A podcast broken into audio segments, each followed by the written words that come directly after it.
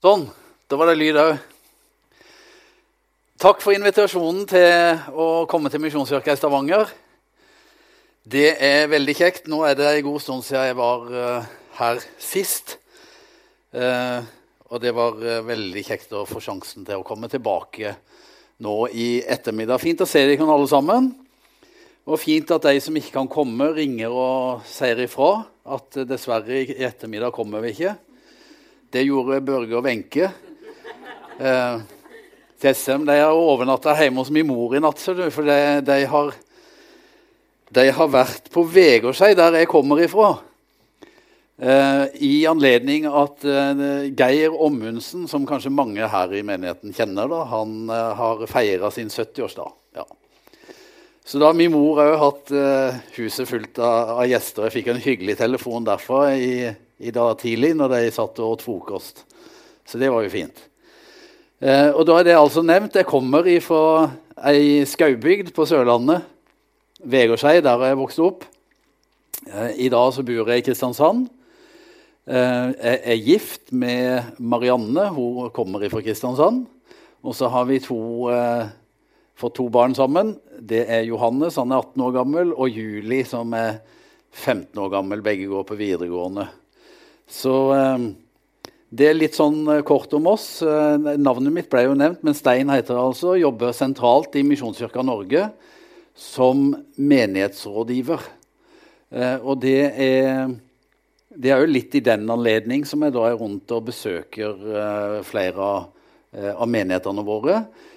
Til den oppgaven så ligger det først og fremst det å å være en sånn primærkontakt eh, for menighetene inn mot eh, Misjonskirka Norge sentralt. Og da være, stå til rådighet for de ansatte, for lederskapet, eller menighetsråd, som det heter her. Og, og det, som, det, som, egentlig gjelder, gjelder menigheten. Da, å kunne være med og gi forhåpentligvis gode råd.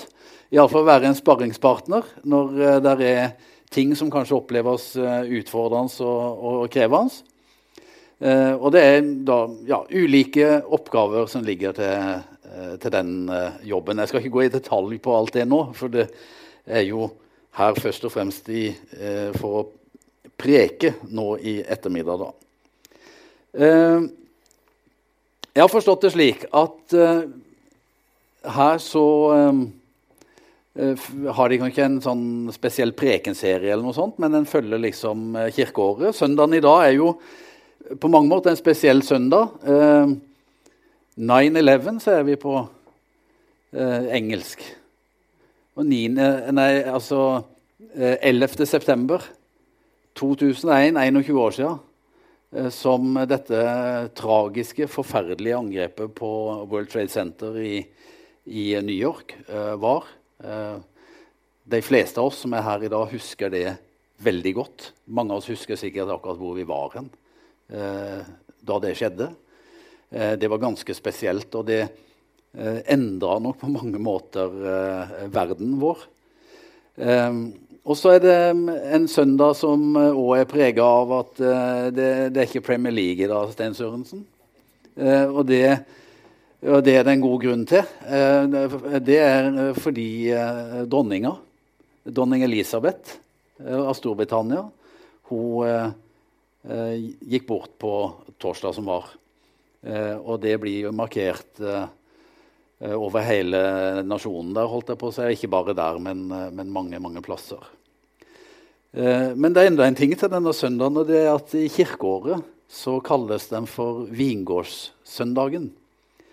Eh, det er en eh, søndag som kommer sånn midt ute i det vi kaller det, den festløse halvdelen av kirkeåret.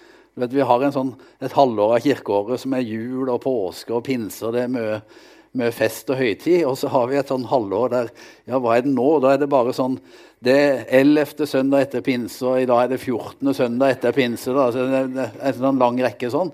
Men akkurat denne søndagen har det fått dette spesielle navnet Vingårdssøndagen.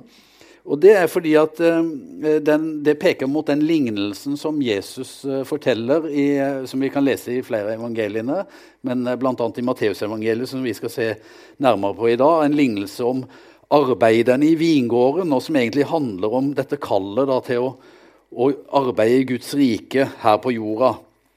Og så er det sånn da, Teksten som er for denne søndagen, det er ikke da akkurat den lignelsen, men det er verser som kommer rett før lignelsen om arbeiderne i vingården. Og den, eh, kom, Teksten kommer altså rett før den historien, og så kommer den rett etter historien der Jesus har møtt den rike unge mannen.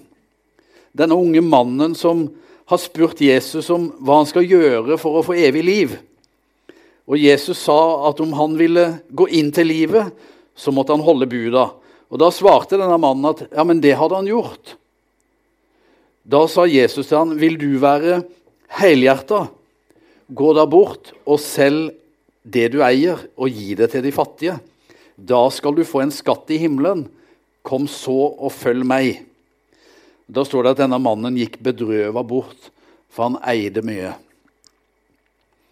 Etterpå så snakka Jesus med disiplene sine om hvor vanskelig det er for den som er rik, å komme inn i Guds rike, eller i himmelriket. Han sa det er lettere for en kamel å gå gjennom et nåløye enn for en rik å komme inn i Guds rike. Og da ble disiplene forskrekka og lurte på hvem som i det hele tatt kan bli frelst. Da svarte Jesus, for mennesker er dette umulig, men for Gud er alt mulig. Og så, da, i forlengelsen av det her, så kommer de versene som er søndagens tekst, og nå får du høre nøye etter.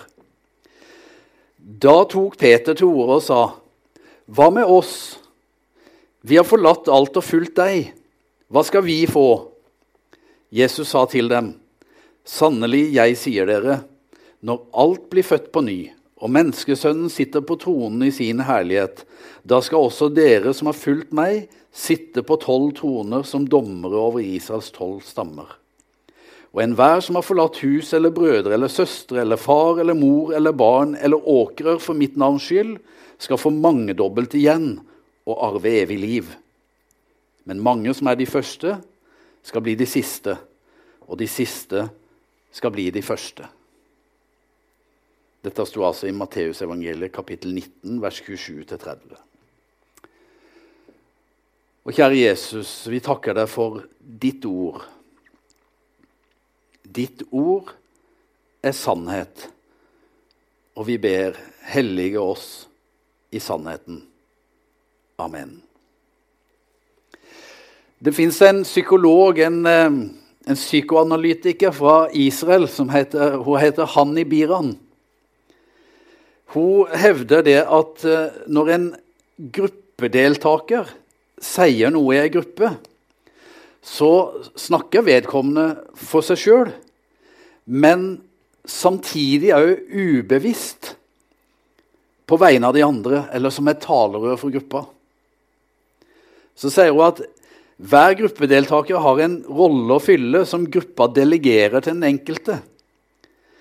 Og Denne prosessen der den enkelte tildeles en rolle som en representant for et eller annet aspekt ved gruppa, det er en ubevisst prosess, sier hun.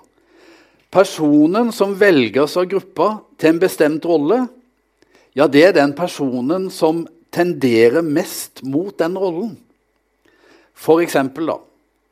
Hvis gruppa føler at den trenger å gå imot lederen sin på en eller annen måte, så vil den oppmuntre den personen som har størst problemer med å akseptere autoritet, til å gjøre det. Mens gruppa sjøl ja, den forholder seg rolig. Peter, han spør, og han reagerer. Og han sier til Jesus, 'Hva da med oss? Hva vil vi få?' Og så skjønner vi han snakker ikke bare på vegne av seg sjøl, han snakker på vegne av hele gruppa. Ja, for veldig mange av oss. Um, og Jesus han skjønner jo det.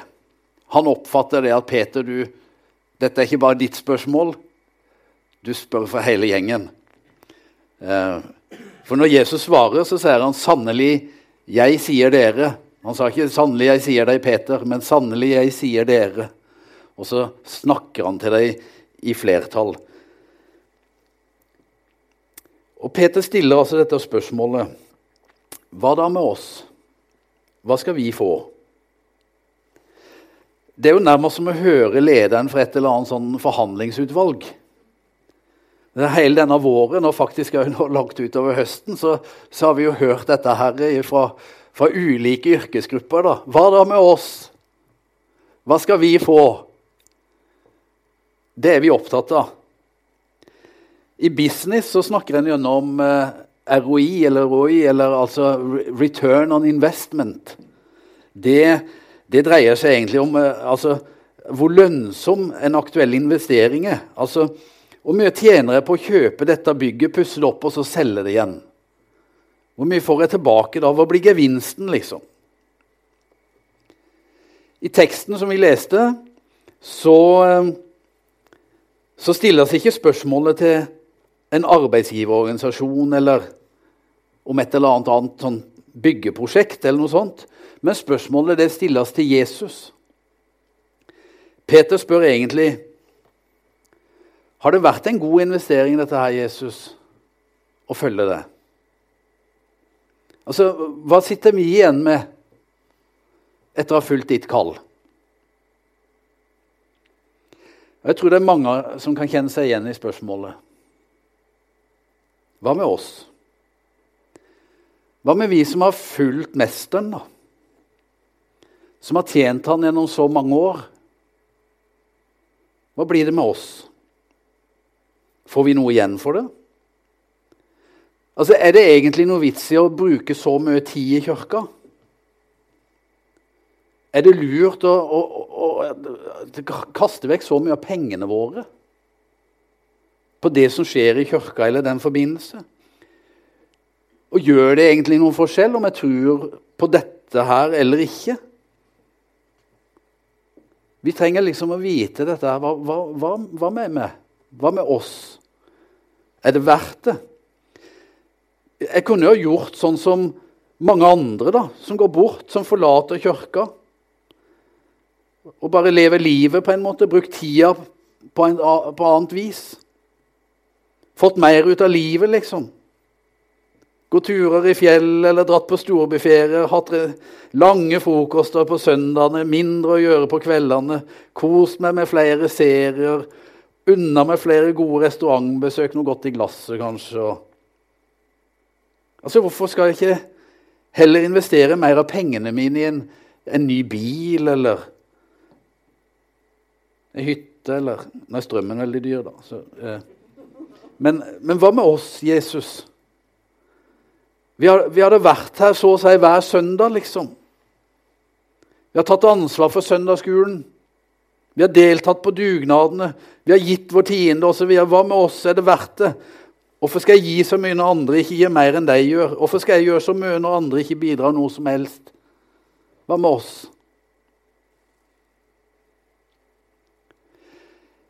Jesus han bekrefter iallfall i denne teksten det vil være en belønning. Det fins en belønning. Um, i sitt svar så sier han til Peter og alle oss andre det, Eller det er litt som jeg hører med Stiv sier Slapp av, Peter. Slapp av. Det lønner seg. Det blir en belønning. Langt mer enn du kan forestille deg.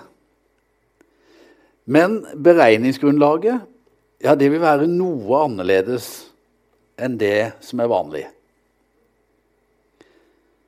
Han sier om disiplene sine at de skal få sitte på troner. Det er jo litt spesielt. da, Å dømme Israels tolv stammer. Hva mener Jesus med det? Det kan vi kanskje ikke vite helt eksakt.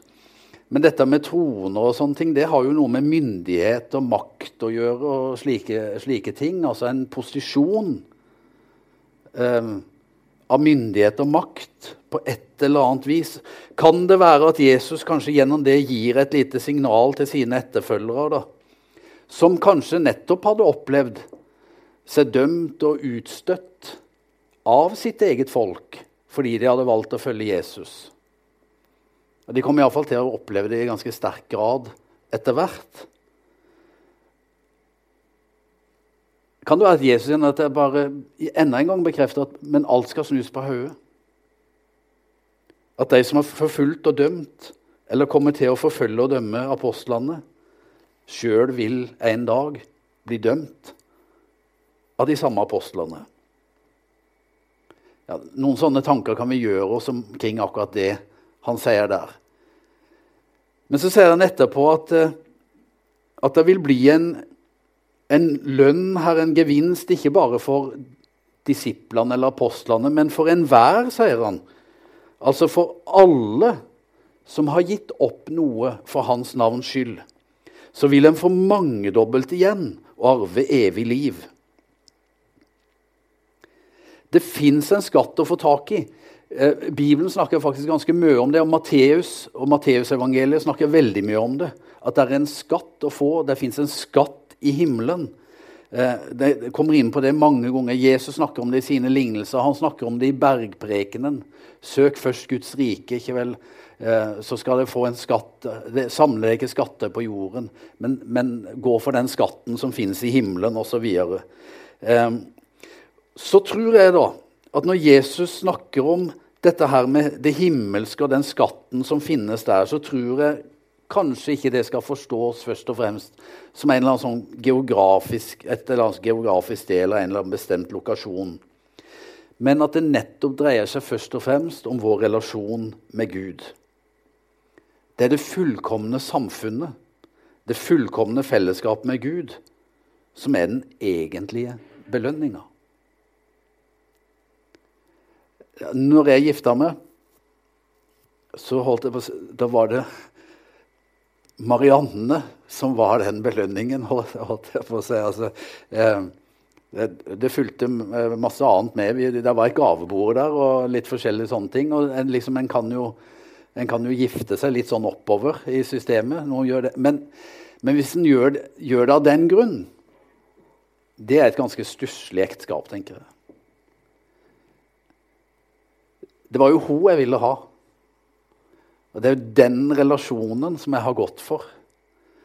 Og det er det som har vært livgivende for meg. holdt jeg på å si der. Ikke hva hun måtte representere alt mulig annet, men at jeg får være i den relasjonen med henne. Jeg tror det er det samme i vår relasjon til Gud. Ja, han kan jo gi oss alt. Han er skaperen av alt.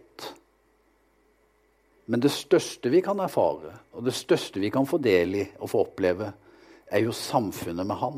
Fellesskapet med Han. Livet sammen med Han.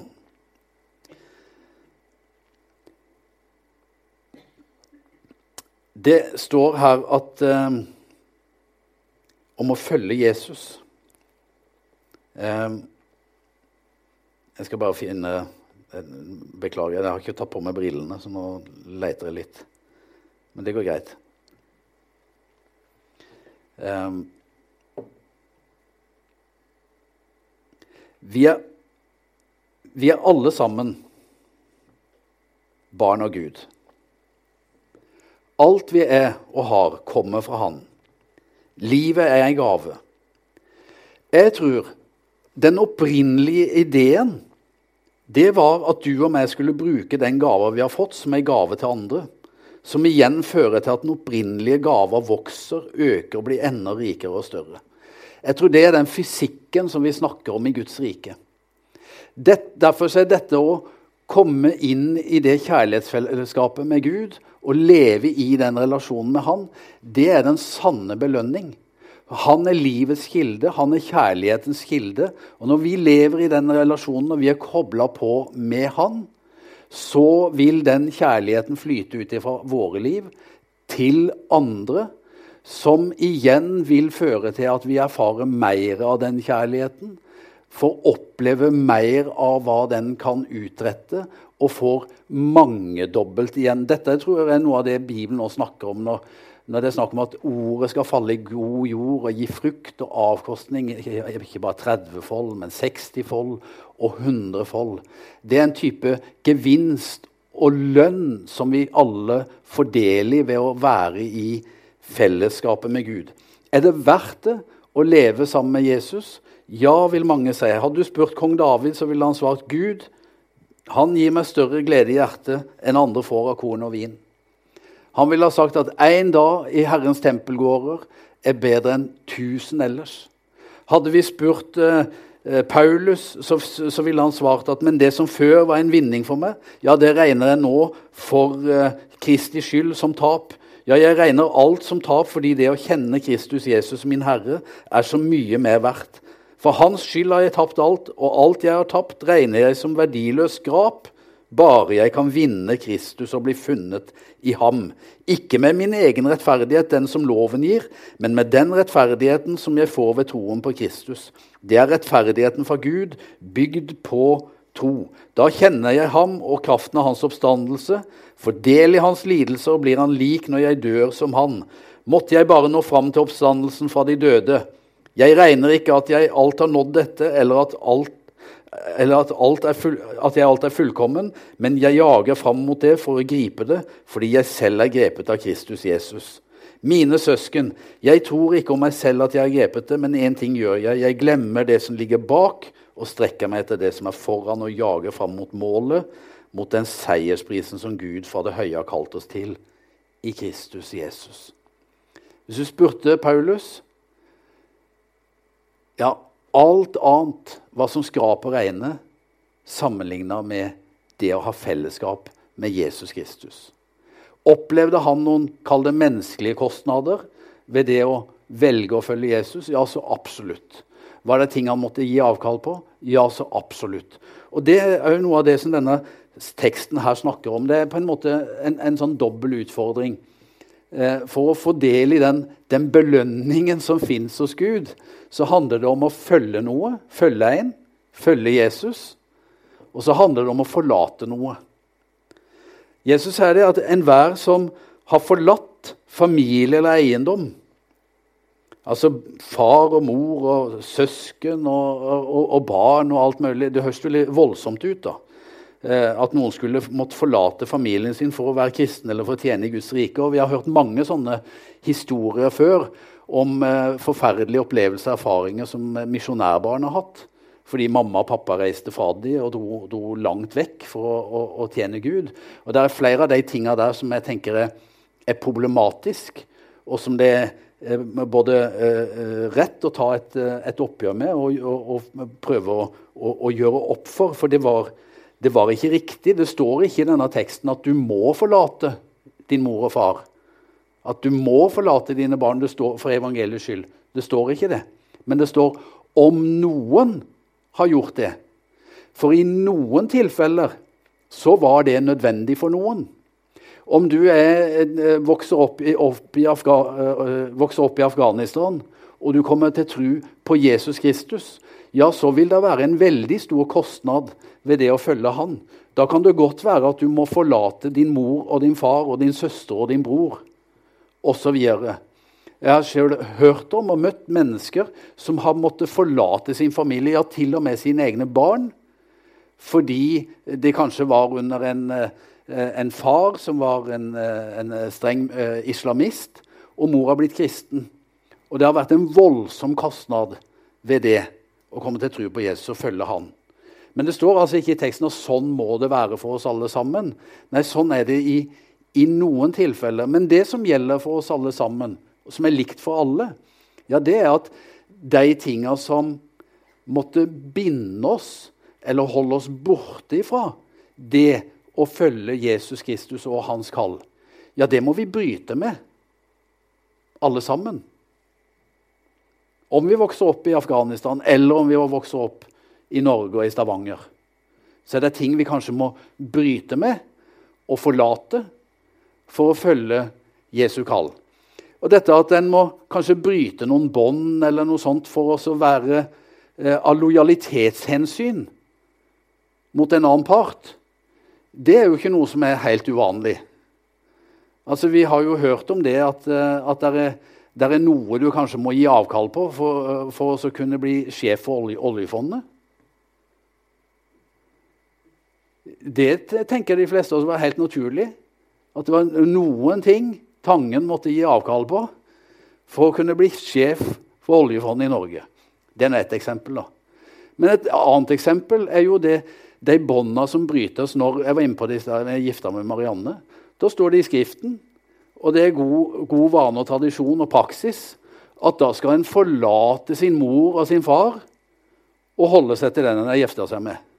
Det er noen bånd som brytes. Det er helt naturlig, fordi at nå er det en annen som jeg skal ha min fremste og første lojalitet imot. Og Det er egentlig noe av det teksten kommer inn på. At hvis det er ting som holder oss igjen for å følge Jesus, ja, så, bryt, så må en bryte med det. Og det hadde noen av de disiplene gjort. De hadde forlatt forskjellige ting. Og hva Peter legger i det at de har forlatt alt, det eh, kan vi ikke være helt sikre på. Kanskje overdriver han litt, faktisk. Eh, for det, Vi leser seinere at han, de er hjemme hos, eller i, i skriften de er hjemme hos svigermora hans. Og, eh, så han har jo hatt ei kone. Og kanskje har han fått lov eller dratt av gårde litt på noen turer med Jesus der. Og, og sånn. Men, men seinere i Skriften så hører vi jo Paulus han klager jo litt på det. eller liksom, Hvorfor skal ikke vi kunne fått ha med oss våre liksom, når Kefas, altså Peter og de her andre reiser rundt med konene sine? For det gjorde de tydeligvis da. Eh, og, og, og, litt seinere, når, når Peter var i ferd med nærmest å gi opp tjenesten. For, ikke, vel, for Jesus hadde jo dødd på korset, og han, han dro hjem til Galilea for å fiske. Så det, lå det tydeligvis en båt der igjen som han kunne kanskje bruke. Så, så, litt hva han mente med alt, det kan kanskje det tar han litt, litt, ekstra i. da. Men de har, fall, de har forlatt noe. De har ofra noe for, for, å følge Jesus. Og det er det som er, som er poenget. da. Der er en å følge, og der er noe å forlate. Eh, og hvorfor skulle vi velge, velge det, da? Å følge Jesus og forlate noe for hans skyld? Altså, Gjør vi dette her fordi det er så bra opplegg i kirka? Fordi pastoren preker jo så godt, eller lovsangerbandet spiller så bra? Det er jo så bra opplegg for ungene. Så klart vi må må koble oss på dette her opplegget her, liksom. Eh, dessverre tror jeg det er litt sånn i en del sammenhenger at fokus er ikke på å følge og forlate, men det er, å, det er mer på å forvente og forlange. Eh, I vår sjølopptatthet stiller vi samme spørsmål som Peter. Liksom, altså, hva får vi igjen for det her? Hva, hva, hva får vi tilbake, liksom? Helst av umiddelbar avkastning. Hvordan kan Jesus og kirka gjøre livet bedre for meg her og nå? Eh, hva gir dette meg av fordeler? Hvordan kan, jeg, kan jeg skape meg et navn kanskje også gjennom dette? her? Altså, det fins jo nok av de som har forsøkt å gjøre egen karriere i, uh, i kirkas navn. holdt jeg på å eh, har sett masse triste eksempler på det. Hvorfor skal vi reise et stort, nytt bygg i Knut Holms gate, f.eks.? For å skape oss et navn. Vise at vi er der noe, vi òg, i Misjonskirka. Eller er det en annen drive, en annen motivasjon bak det? Er det ikke hans navn det gjelder? For hans navns skyld.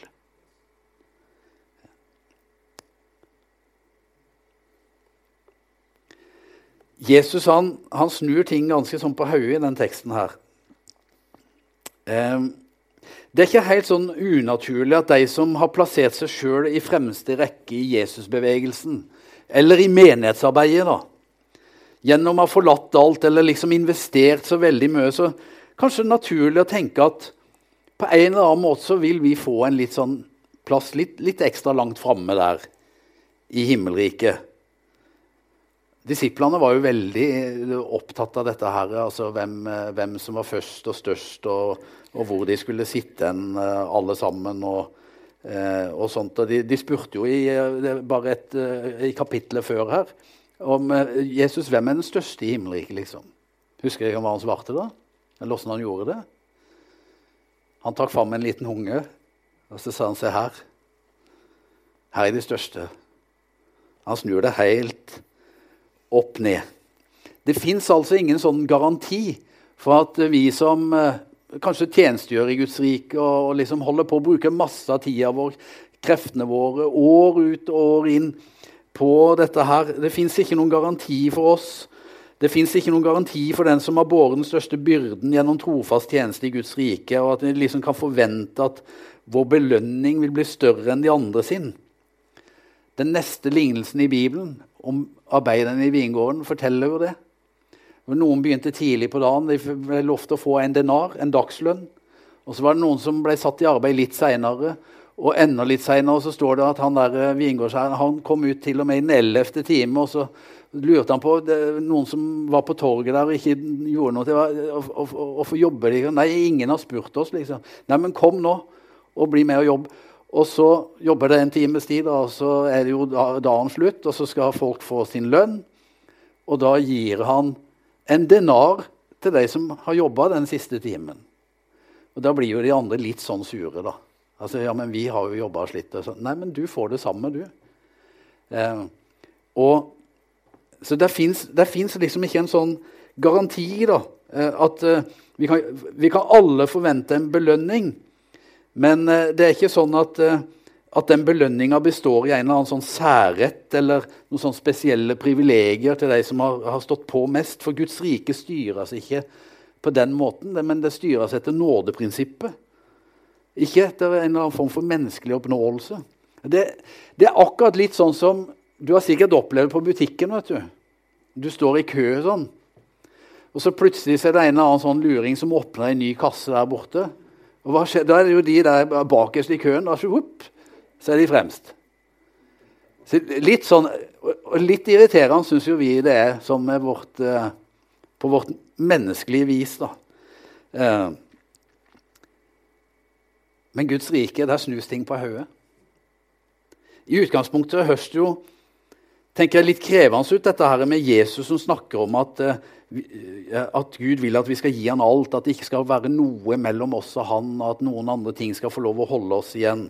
Men egentlig, når jeg tenker på det, så er det ganske befriende. Eller sagt på en litt annen måte Altså, Verden den vil jo ha det beste ut av oss, den. Men Gud, han vil ha alt. Han vil ha alle sider ved ditt liv. Dine nederlag og tap inkludert. Og han la ikke den konkursramma i stikken. Han svikter ikke den som har mislykkes med, med alle sine andre investeringer, men som likevel har valgt å sette sin lit til han. Han stiller opp for deg, han tar imot deg med all den gjelda du eventuelt måtte ha. Litt om mine investeringer. Jeg skal ikke gå veldig i detalj på det. Men eh, jeg har sikkert som flere tapt en del siste året. Hatt noe sånn penger i noe fond og sånt. Det, det, har vært veldig mye sånne røde, røde tall. da. Og synes som, kan synes som en ganske sånn dårlig investering. Men så har jeg forstått da på det som har peiling. og nå, Jeg vet ikke om jeg føler meg like trygg på det som jeg gjør på Skriften. holdt jeg på å si. Men eh, ok da. Noen som sier men du må bare bli sittende. Så vil gevinsten, avkastningen, komme lenger framme.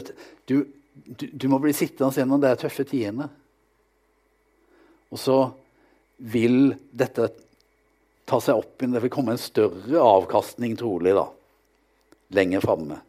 Som ikke bare vil godtgjøre for tapene jeg nå har lidd, liksom, men som langt overgår dem. De som er gode til å selge sånne fond, de, de kan fortelle dette. Eh, men du Jesus, hans ord, eh, det er noe helt annet. Eh, og han har, han har bekrefta sitt ord på et helt annet vis.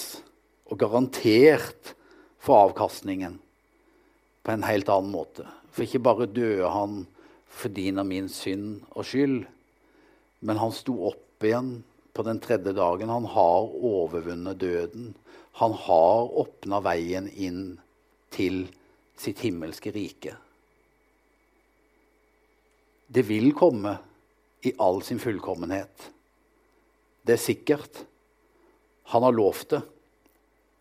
Og da vet jeg at det himmelske livet det er langt mer enn nok til å kompensere for ethvert jordisk tap, for enhver jordisk investering. Og enten Og iallfall ethvert tap, enten det nå skyldes da, eh, at det skyldes meg sjøl, at jeg har lidd tap, eller om det er tap som skyldes for det jeg gjorde på en måte i hans navn. Jeg vet at himmelen vil kompensere for det, ikke bare litt, men i hundrefold. Ja, enda mer. Jeg skal avslutte med å fortelle en liten historie om Eva, som jeg ble kjent med. Hun bor i Veinte de Julio, eller bydelen som heter 20. juli, i Barranquilla i Colombia. Jeg var misjonær der for mange år siden.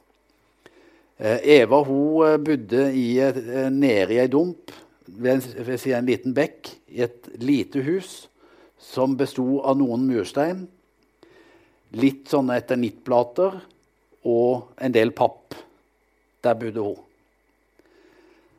Så ble hun frelst. Hun ble kristen. Hun ble med i menigheten vår i Veinter Holio. Eh, og hun ble radikalt frelst. Fikk et sterkt møte med Jesus. Så sterkt at hun, hun eh, fortsatt i dag altså Det er mange år siden, dette her. Fortsatt i dag så er hun sånn eh, Hvis du møter henne på en buss i Barranquilla, så kan du være sikker på at hun eh, forteller om Jesus. Men hun ble med i menigheten og ble en del av, av lederskapet i menigheten der òg. Men jeg husker hun da, som ei av de fattigste. Eh, hun, I en bydel som eh, må forstå det at I Colombia så, så, var de ulike områdene delt inn i såkalte estratos, eller ulike nivåer.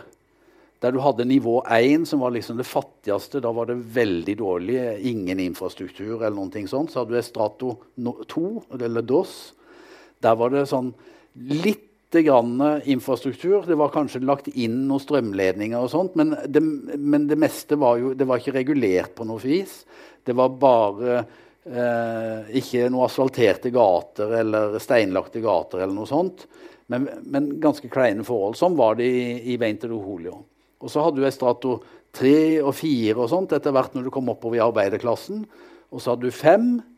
Da var du blant de besteborgerlige og seks som var liksom helt luksus og fantastisk. Enorme forskjeller da, i landet der. Men Eva hun bodde altså i Estato 2 og var nederst der. Huset hun bodde i, holdt sånne Estato 1, liksom. Men jeg husker henne så godt. Hun sto opp på et møte en gang i menigheten i Veinte Holio. Og så reiste hun seg opp og gikk på stolen etter hvert. Og ropte ut av begeistring at hun gleda seg sånn til himmelen. Nå skulle hjem til Jesus. Og da ble det ikke noe estrato uno eller estrato dos. Altså, da var det ikke noe nivå én eller to eller tre eller fire. Og det var ikke estrato seis, altså det var ikke eh, nivå seks heller, men estrato divino, sa hun.